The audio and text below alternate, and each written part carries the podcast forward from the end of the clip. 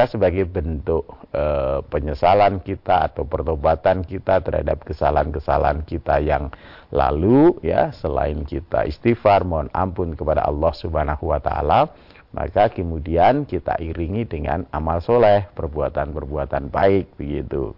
Harapannya tentu perbuatan-perbuatan baik itu nanti bisa apa ya ya menghapus ya keburukan-keburukan kita karena kalau kita e, senantiasa memperbanyak kebaikan, maka nanti e, kemauan yang mau melakukan yang buruk-buruk itu tertekan, tertekan, tertekan, tertekan, bahkan mudah-mudahan nanti e, hilang begitu.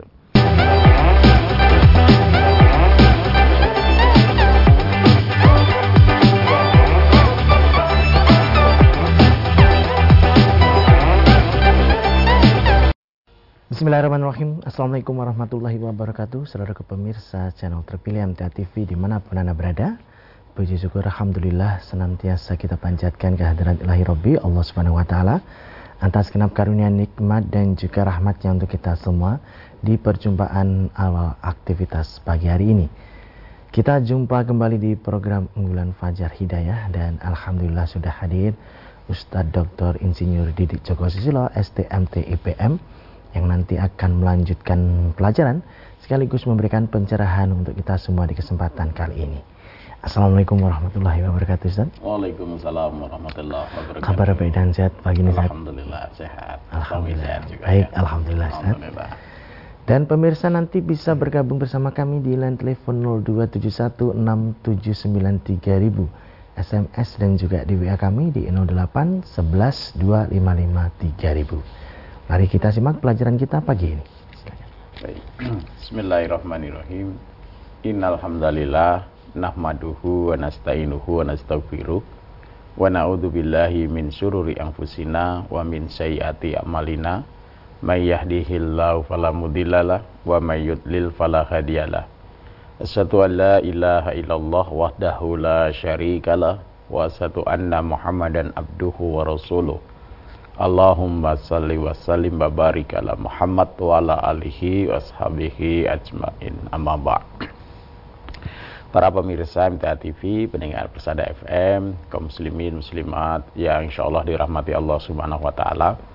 Pertama tentu mari senantiasa kita memanjatkan rasa syukur kita kehadirat Allah subhanahu wa ta'ala atas nikmat hidayah, nikmat uh, petunjuk yang Allah berikan kepada kita sehingga kita dalam kehidupan ini menjadi hamba yang beriman kepada Allah Subhanahu wa taala. Hamba yang meyakini bahwa Allah Subhanahu wa taala adalah Robnya, Tuhannya yang telah menciptakannya. Yang eh, kemudian kita yakinkan juga pada diri kita setelah kita dihadirkan, diciptakan oleh Allah Subhanahu wa taala dalam kehidupan di dunia ini pasti nanti ada saatnya kita kembali kepada Allah Subhanahu wa taala. Nah, pada saat e, masa ya mulai kita hadir dalam kehidupan di dunia sampai nanti kita kembali atau dikembalikan lagi kepada Allah Subhanahu wa taala, itulah masa ujian bagi kita hamba-hamba Allah ini apakah kita nanti menjadi hamba-hamba yang taat patuh, tunduk pada petunjuk-petunjuk Allah Subhanahu wa taala. Atau sebaliknya menjadi hamba yang ingkar, hamba yang mendustakan ya, hamba yang mengingkari petunjuk-petunjuk Allah begitu.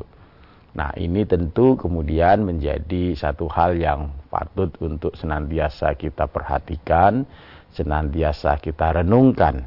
Karena saat e, kembali kepada Allah Subhanahu wa taala itu satu hal yang e, pasti tetapi tidak ada satupun di antara kita yang tahu kapan saatnya itu gitu.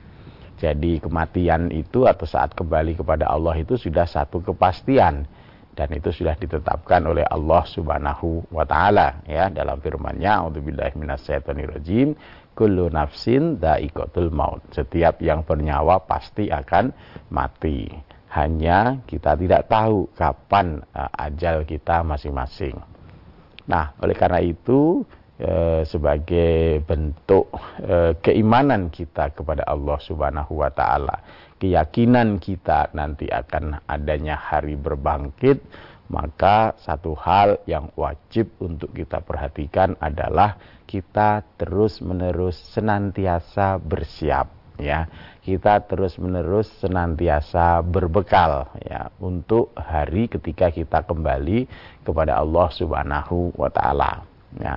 Maka ketika pagi hari ini Allah bangkitkan lagi, Allah hidupkan kita lagi untuk menjalani kehidupan ini, maka yang pertama mari kita niatkan ya, kita apa kerentekan ya kemauan dalam diri kita bahwa hari ini kita ingin ya berbuat baik ya beramal soleh gitu. Karena im, amal soleh atau perbuatan baik ini adalah e, bukti dari keimanan kita kepada Allah Subhanahu Wa Taala. Bukti ketundukan kita e, bukti rasa syukur kita ya terhadap berbagai nikmat yang Allah berikan kepada kita bagi hari ini kita masih dihidupkan oleh Allah maknanya tentu Eh, kita masih diberi kesempatan oleh Allah Subhanahu wa taala untuk memperbanyak amal soleh gitu. Kalau kita yakin bahwa nanti ada hari akhirat, hari kiamat, hari pertanggungjawaban amal, maka tentu setiap kesempatan hidup yang masih kita miliki, kita azamkan untuk senantiasa meningkatkan amal soleh kita gitu. Kalau kemudian kita evaluasi bahwa pada hari-hari kemarin, hari-hari yang lalu, masih banyak kesalahan, masih banyak dosa yang kita lakukan, maka ketika kita dihidupkan lagi oleh Allah Subhanahu wa taala ini adalah kesempatan kita untuk memperbaiki, kesempatan kita untuk bertobat dari kesalahan-kesalahan kita yang lalu begitu. Maka dengan demikian insya Allah nanti kita akan semakin meningkat rasa iman ya ketakwaan kita kepada Allah Subhanahu wa taala. Di mana pun kita berada, Rasulullah Sallallahu Alaihi Wasallam pesankan untuk kita senantiasa bertakwa kepada Allah. Ittaqillaha haitsuma kunta. Bertakwalah kamu kepada Allah Subhanahu wa taala di mana pun kamu berada gitu. Wa sayyatal hasanata tamhuha dan iringilah perbuatan burukmu dengan kebaikan gitu. Nah, sehingga nanti kebaikan-kebaikan yang kita lakukan itu bisa e, menutup dari keburukan-keburukan kita begitu.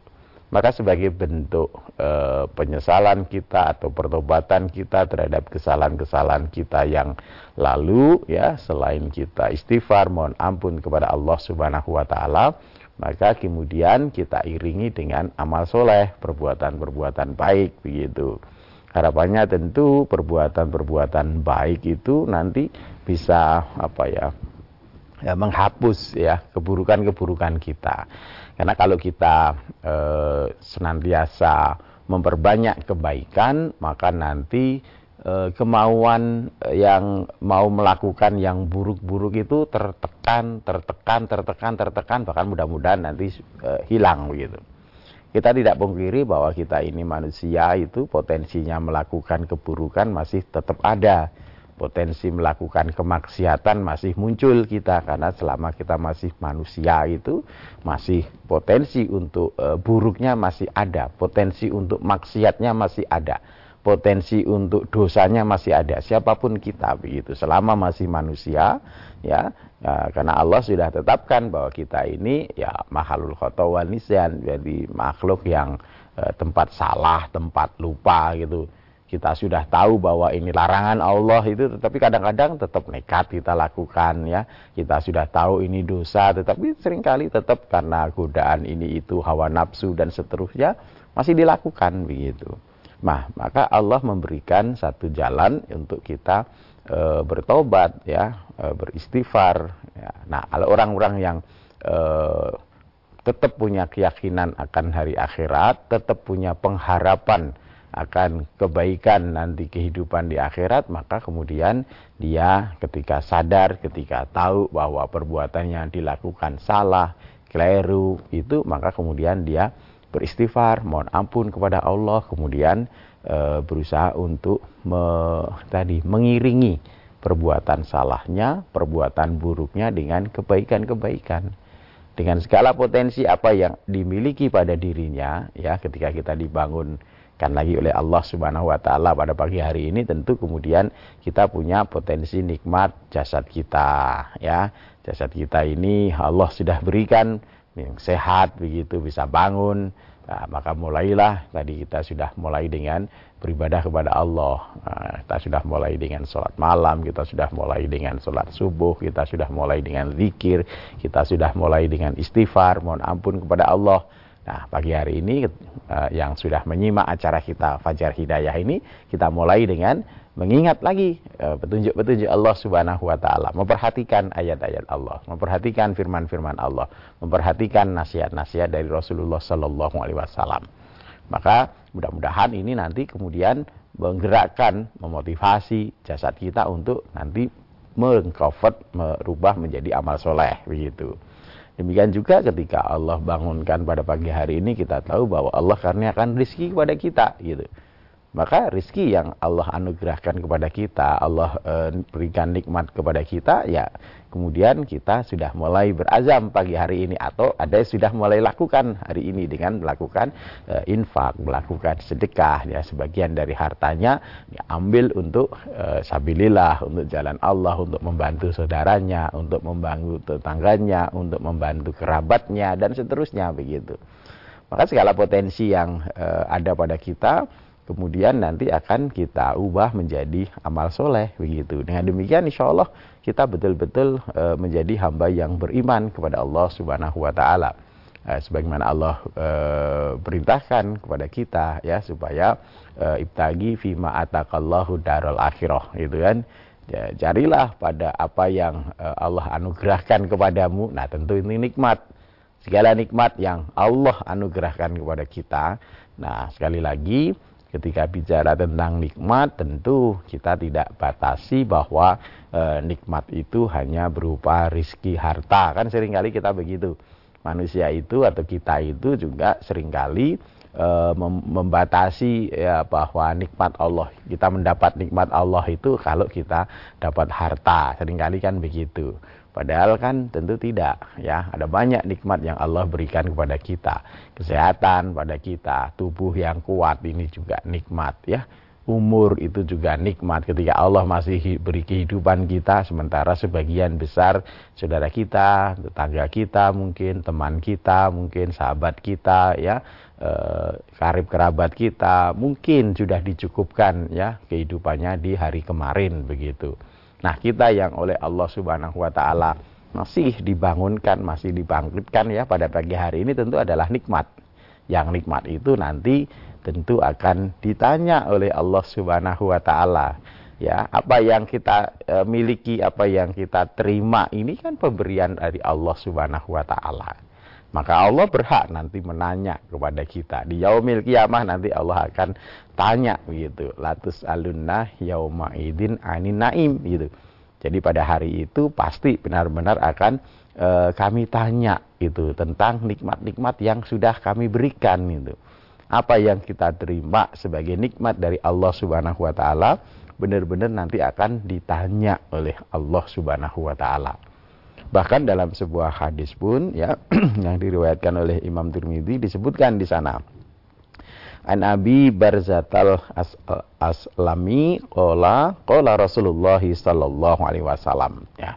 Dari Abu Barzah Al Aslami ia berkata Rasulullah sallallahu alaihi wasallam bersabda La tazulu qadama abdin hatta yus'ala an umrihi fima afnahu tidak bergeser telapak kaki seseorang ya sebelum ia ditanya tentang umurnya untuk apa ia habiskan ya.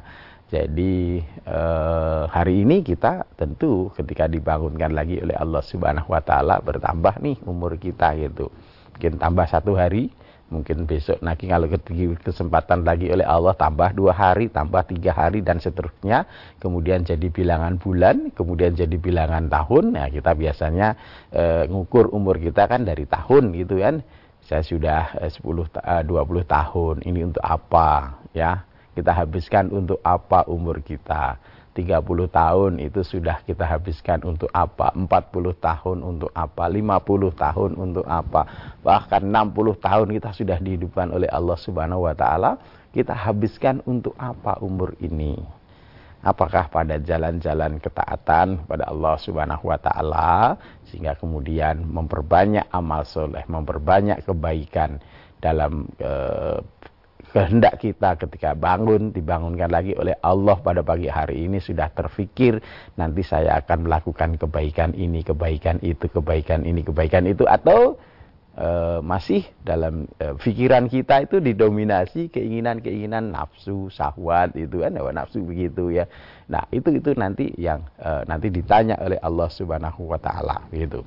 Jadi dari umur yang Allah berikan untuk apa ia habiskan? Gunakan untuk apa waan uh, waan ilmihi fi fa'ala. Dengan pengetahuan ilmu yang sudah kita peroleh, kita terima, kita ngaji sekian lama, kita belajar petunjuk-petunjuk Allah, sudah kita wujudkan atau sudah kita amalkan atau belum. Ini tentu menjadi satu uh, apa ya nikmat ya kita ngaji, kita belajar Quran, kita belajar hadis sehingga kemudian kita mengerti petunjuk Allah Subhanahu wa taala itu satu nikmat yang sangat besar. Nah, tentu kemudian setelah kita ngerti itu kan apakah kemudian pengertian kita ini wujud menjadi amal soleh apa tidak gitu. Kita amalkan apa tidak. Atau sebaliknya kita punya ilmu tentang Quran, kita punya ilmu tentang sunnah tetapi tidak pernah diamalkan. Ilmu itu kita gunakan untuk bahkan mungkin mencari dunia gitu. Apakah mencari harta dunia atau mencari ketenaran di dunia atau malah kemudian digunakan untuk uh, yang tidak baik malahan begitu ketika kita punya ilmu ini itu. Maka tentu akan ditanya oleh Allah Subhanahu wa taala nikmat itu ya. Uh, tentu uh, sejalan yang terbaik adalah ketika Allah karuniakan kepada kita ilmu tentang din ini, maka kemudian kita amalkan gitu. Kita kalau ilmu itu kemudian kita amalkan, maka nanti Allah akan semakin tambah ilmu kita, tambah petunjuknya kepada uh, kita. Nah, kemudian uh, wa an malihi min ainak tasabahu wa fima anfaqahu dan tentang harta yang Allah anugerahkan kepada kita itu dari mana kita perolehnya? Apakah kita peroleh dengan cara yang halal e, cara yang diridhoi oleh Allah Subhanahu wa taala?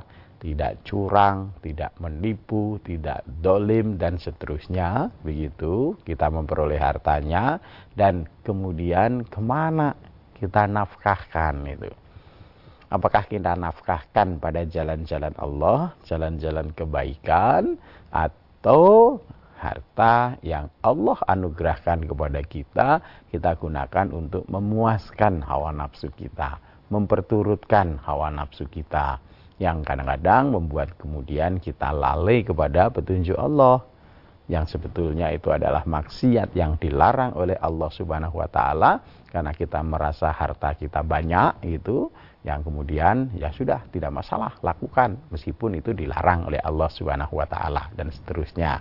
Maka tentu nanti di yaumil kiamah akan dimintai pertanggungjawaban oleh Allah Subhanahu wa taala. Kemudian yang terakhir wa an jismihi fima ablahu dan tentang badannya itu tentang jasadnya badan ini yang Allah karuniakan kepada kita kesempurnaan badan kita ya kegagahan, ketampanan, kecantikan, kekuatan yang Allah berikan kepada kita itu kita gunakan untuk apa? Sampai kemudian gagahnya habis, cantiknya hilang, tampannya hilang itu digunakan untuk apa? Apakah kita gunakan untuk menjadi amal soleh sehingga kemudian bermanfaat bagi kegiatan kehidupan kita nanti di yaumil kiamah atau ya kita hanya gunakan untuk bersenang-senang begitu kan Nah kadang-kadang kan ada yang e, muncul begini, ya gagah, kuat, cantik, tampan, itu kan nikmat gitu kan. Nah nikmat kenapa nggak digunakan, kenapa nggak ditampakkan, kenapa dan seterusnya seperti itu. Dia lupa bahwa gagahnya, tampannya, cantiknya itu adalah nikmat karunia yang diberikan oleh Allah yang mestinya digunakan untuk taat kepada Allah, mengikuti petunjuk Allah, mengikuti aturan Allah Subhanahu wa taala begitu. Kenapa? Karena nanti dimintai pertanggungjawaban oleh Allah Subhanahu wa taala. Nah, ketika nanti sudah sampai kepada Allah Subhanahu wa taala, apa yang nanti kita sampaikan, apa yang nanti kita uh, hujahkan di hadapan Allah Subhanahu wa taala ketika dalam kehidupan di dunia, nikmat yang Allah berikan kepada kita tidak kita ubah menjadi amal soleh. Tidak kita gunakan pada jalan-jalan yang ditunjukkan oleh Allah Subhanahu wa taala tentu kecelakaan yang akan kita temui. Mudah-mudahan ya kita bisa mengawali uh, pagi hari ini dengan kehendak, dengan niat, dengan semangat untuk uh, meningkatkan amal soleh kita kepada Allah Subhanahu wa taala. Demikian mudah-mudahan bermanfaat untuk kita bersama. Ya. Baik pemirsa, kami harap Anda bisa bergabung bersama kami di line telepon 0271 679 3000 SMS dan juga di WA kami di 08 11 255 3000. Namun sebelumnya kita akan simak beberapa informasi dalam rangkaian jeda pariwara berikut ini. Baik saudaraku pemirsa channel terpilih MTA TV di mana pun Anda berada, terima kasih Anda masih setia bersama kami khususnya di program unggulan Fajar Hidayah pagi ini. Kesempatan pertama kami persilahkan di line telepon 6793000 untuk bisa bergabung. Halo, Assalamualaikum. Baik Ustadz kita bacakan terlebih dahulu yang ada di SMS dan WA. Yang pertama dari Bapak Mugiarto di Yogyakarta. Ada tiga pertanyaan. Yang pertama, tata cara berdoa saat kita sujud dalam sholat bagaimana Ustadz? Hmm. Kemudian yang kedua, saat sholat wajib, apakah juga boleh berdoa saat sujud? Yang ketiga, bacaan doa saat sujud dalam sholat sebaiknya bagaimana Ustadz? Oh. Demikian. Uh, baik, jadi memang ada tuntunan dari Rasulullah Sallallahu Alaihi Wasallam untuk kita memperbanyak doa ketika sujud, ya. Uh, kenapa? Uh, karena pada saat itu dikatakan oleh Rasulullah Sallallahu Alaihi Wasallam itu adalah sedekat-dekat hamba terhadap Robnya, gitu. Waktu yang dekat, gitu. Jadi dalam sebuah hadis ya diriwayatkan oleh Imam Muslim, Imam Abu Dawud, Imam Nasai, beliau bersabda gitu. Akrobu mayakunul abdu mirrobihi gitu kan. Sedekat-dekat waktu ya seorang hamba kepada robnya itu ya. Wahwa sajidun yaitu pada saat dia sujud gitu. Pada saat dia menjatuhkan e, bahasa kita ya segala kehormatannya gitu kan pada saat sujud itu kan muka badan kita turun semuanya pada tempat yang paling rendah dalam kehidupan kita di tanah seperti itu di tempat sujud begitu. Nah itu adalah tempat kita dekat dengan uh, Rob kita Tuhan kita pencipta kita. Maka kata pesan Rasulullah Sallallahu Alaihi Wasallam faksiru doa maka perbanyaklah doa pada saat itu. Nah kemudian di lain hal jadi ketika kita dalam e, contoh solat yang dituntunkan oleh Rasulullah Sallallahu Alaihi Wasallam, ketika kita melakukan sujud, di sana ada tasbih sujud, gitu kan? E, jadi ketika kita sujud, e, Rasulullah Sallallahu Alaihi Wasallam mencontohkan kita membaca tasbih sujud. Salah satunya misalkan Subhana Robial A'la itu. Maka kemudian kita melaksanakannya ya ketika mau melaksanakan tuntunan untuk memperbanyak sujud e, memperbanyak doa ketika sujud maka ketika kita sujud baca dulu tasbih sujudnya gitu kan? Subhana rabbiyal a'la subhana rabbiyal a'la subhana rabbiyal a'la subhana rabbiyal a'la misalkan ya.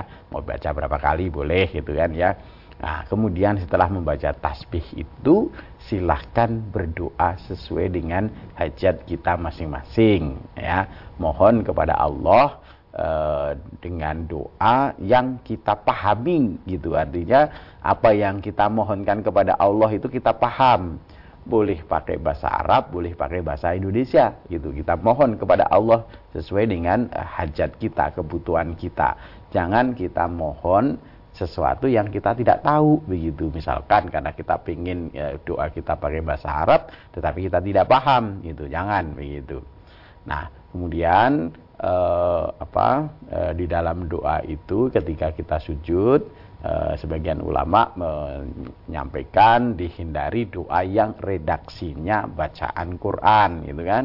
Karena di dalam sholat bacaan Quran itu ya adanya ketika kita berdiri yaitu uh, kita baca uh, surat Al-Fatihah dan uh, surat setelah Al-Fatihah. Itu di dalam sholat yang ada bacaan Quran begitu. Maka ketika sujud doa. Ya doa ketika uh, di dalam sujud kita itu uh, hindari uh, doa yang redaksinya menggunakan bacaan Quran. Maka bisa pakai doa yang dituntunkan Rasulullah dari hadis-hadis atau doa dengan bahasa kita sendiri kemudian ini juga tidak dibatasi sholat wajib dan sholat e, sunnah. Jadi di dalam setiap sujud kita, baik di sholat wajib maupun sholat sunnah, kita boleh berdoa. Demikian ya. Jadi sudah tiga, tiga, tiga pertanyaan tadi sudah terangkum gitu. Ya, baik.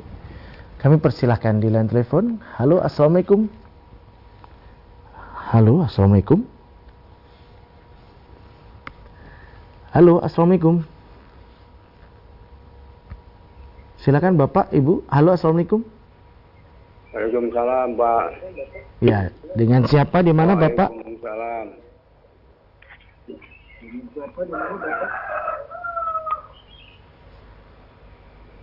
Dengan Bapak siapa ini? ya. Baik, kita lanjutkan Ustaz yang ada di SMS dan WA dari Bapak Sari B di Sulawesi Selatan. Hmm. Ustadz, saya sholat pada waktu zuhur dan hmm. asar. Hmm sering saya itu lupa apakah sudah atau belum ya atahiyat pertamanya hmm. gitu. Dan apakah sholat saya itu sah ataukah harus diulang kembali Ustaz? Mohon penjelasannya. Yeah, yeah.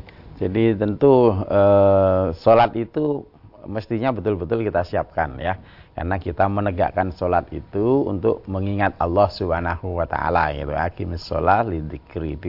Ditegakkan sholat itu untuk mengingat Allah Subhanahu wa taala. Maka eh, segala eh, gerakan maupun bacaan ya tentu semaksimalnya kita usahakan jangan eh, hati kita lalai dari apa yang kita lakukan begitu kalau sesekali lupa tidak apa-apa. Tapi kalau sering jangan. Begitu kan gitu. Artinya apa? Artinya ketika kita mau beribadah kepada Allah Subhanahu Wa Taala itu terutama sholat ya. Sholat itu ingat kepada Allah yang paling besar. Maka betul-betul kita kita prioritaskan gitu. Apa yang akan mengganggu kita ketika akan sholat itu e, semaksimalnya kita selesaikan dulu gitu kan urusan-urusan yang nanti akan mungkin membuat kita mengganggu pikiran kita dalam sholat itu kita tinggal dulu gitu kan. Makanya kan eh, eh, Nabi Shallallahu Alaihi Wasallam senantiasa menganjurkan kita kalau eh, sholat itu di masjid ya bersama kaum muslimin yang lain begitu. Itu ya salah satunya akan semakin meningkatkan eh, kehusukan kita di dalam sholat itu kalau kita sholat sendiri di rumah itu mungkin kita kan masih tetap apa ya terlibat dalam berbagai kegiatan kita di rumah gitu sehingga mungkin e, membuat kita kurang konsentrasi dan seterusnya. Maka e, kita usahakan semaksimalnya kita kita siapkan dulu. Nah kemudian ketika kita sudah mulai melakukan e, mulai mengawali sholat begitu dengan takbir itu ya kita maksimalkan ingatan kita uh, pikiran kita adalah kepada Allah Subhanahu wa taala.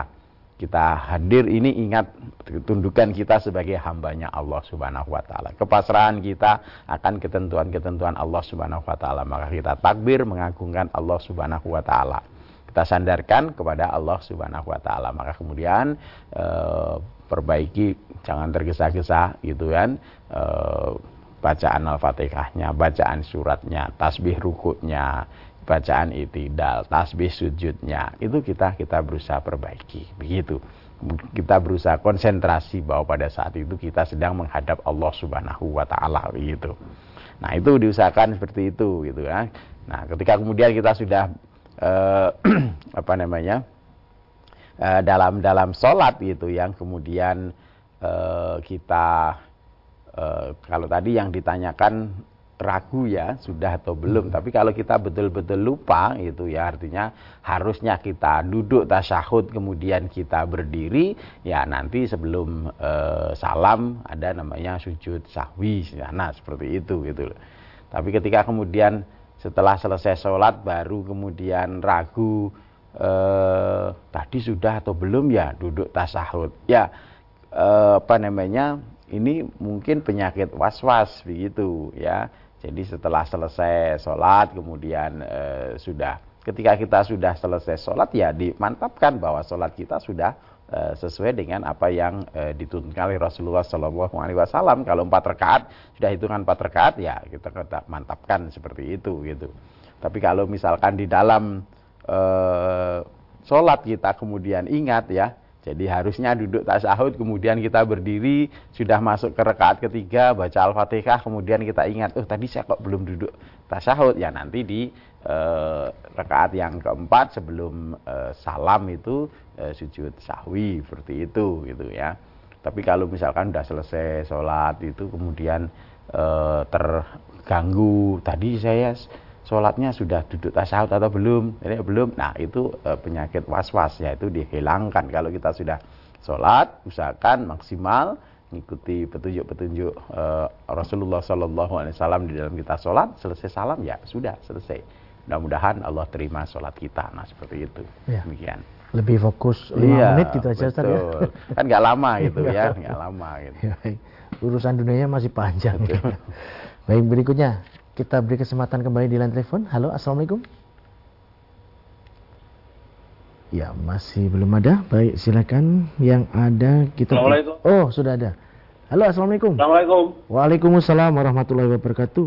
Eh, dari Pak Tunggal, Ustaz. Silakan, Pak Tunggal. Eh, ini mau tanya uh, arti arti surat toha itu apa sih Ustaz ya? Yang mana itu ada artinya. Bentar, bentar, Pak Tunggal, pelan-pelan. Arti apa yang, tadi? Yang kedua doa. Pak Tunggal, pelan-pelan. jenazah itu loh. Kalau untuk doa untuk yang muda mati puluhan tahun itu apa ada contohnya ya? Pak Tunggal, halo. Assalamualaikum. Halo. Wah, ya. Ya, yang pertama tadi belum tertangkap ya apa ya. arti apa begitu ya. Terlalu terburu-buru. Ah, ya. Ya baik. Yang yang kedua doa sholat jenazah ataupun doa untuk mayit ya insya Allah untuk jenazah baru jenazah lama insya Allah sama bapak. Boleh ya. E, misalkan e, kita apa namanya punya orang tua ya ataupun kerabat ataupun saudara ataupun teman ataupun sahabat yang sudah meninggal tuntunannya untuk kita itu kan kalau sudah meninggal beliau-beliau ini kan sudah uh, tidak punya kesempatan untuk beramal gitu kan? Ya, jadi amalnya kesempatan amal itu kan ketika di dunia ketika masih hidup ketika kita masih berbuat gitu kan gitu. Nah kemudian ketika kemudian sudah ajal menjemput itu kan kita sudah tidak bisa beramal. Nah tetapi kita orang yang e, masih hidup ini dituntunkan oleh Allah, dituntunkan oleh Rasulnya untuk kita mendoakan, ya, mendoakan. Nah, doa yang utama adalah kita mohonkan ampunan dari Allah Subhanahu wa taala, gitu. Ya, karena Allah juga perintahkan untuk kita itu wasari'u ila magfiratim mirabbikum wa jannatin arduhas samawat wal ard. Kita diperintahkan untuk bersegera kepada ampunan dan janahnya Allah. Maka kita itu berharap ampunan dari Allah. Saudara kita yang sudah meninggal itu kita harapkan juga ampunan dari Allah Subhanahu wa taala. Maka doanya tentu sebagaimana dalam sholat jenazah pun kita dituntunkan ya kalau kita sedang mensolatkan jenazah ya Allahumma lahu warhamhu wa'afihi wa'fu'anhu dan seterusnya begitu kan. Ya itu itu yang dituntunkan eh, kepada eh, kita untuk mendoakan jenazah untuk mendoakan eh, saudara kita yang sudah meninggal. Terhadap orang tua pun juga kita tuntunannya adalah Allahumma firli wali walidayya gitu kan.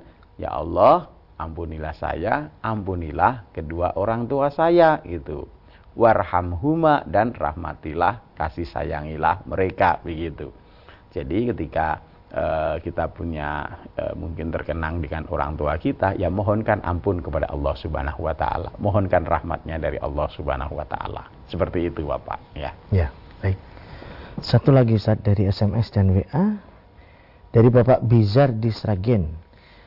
Ustadz, saya datang ke masjid hmm. pas waktu adzan subuh. Hmm. Kemudian saya melaksanakan sholat dua rakaat tahiyatul masjid lalu dua rakaat lagi sholat fajar. Hmm. Apakah yang seperti itu sudah benar Ustaz?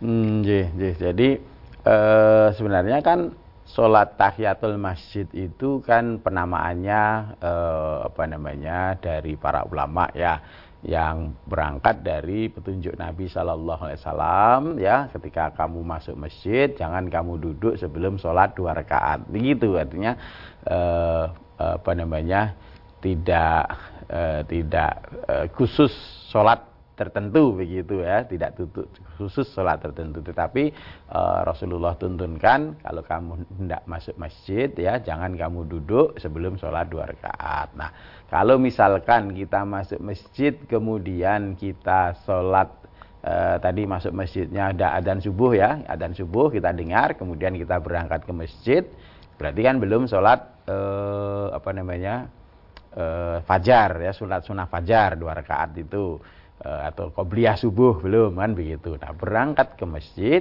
sampai di masjid kemudian sholat uh, dua rakaat sholat qobliyah subuh atau sholat uh, fajar sholat sunnah fajar tadi kemudian duduk sudah tidak mengapa begitu.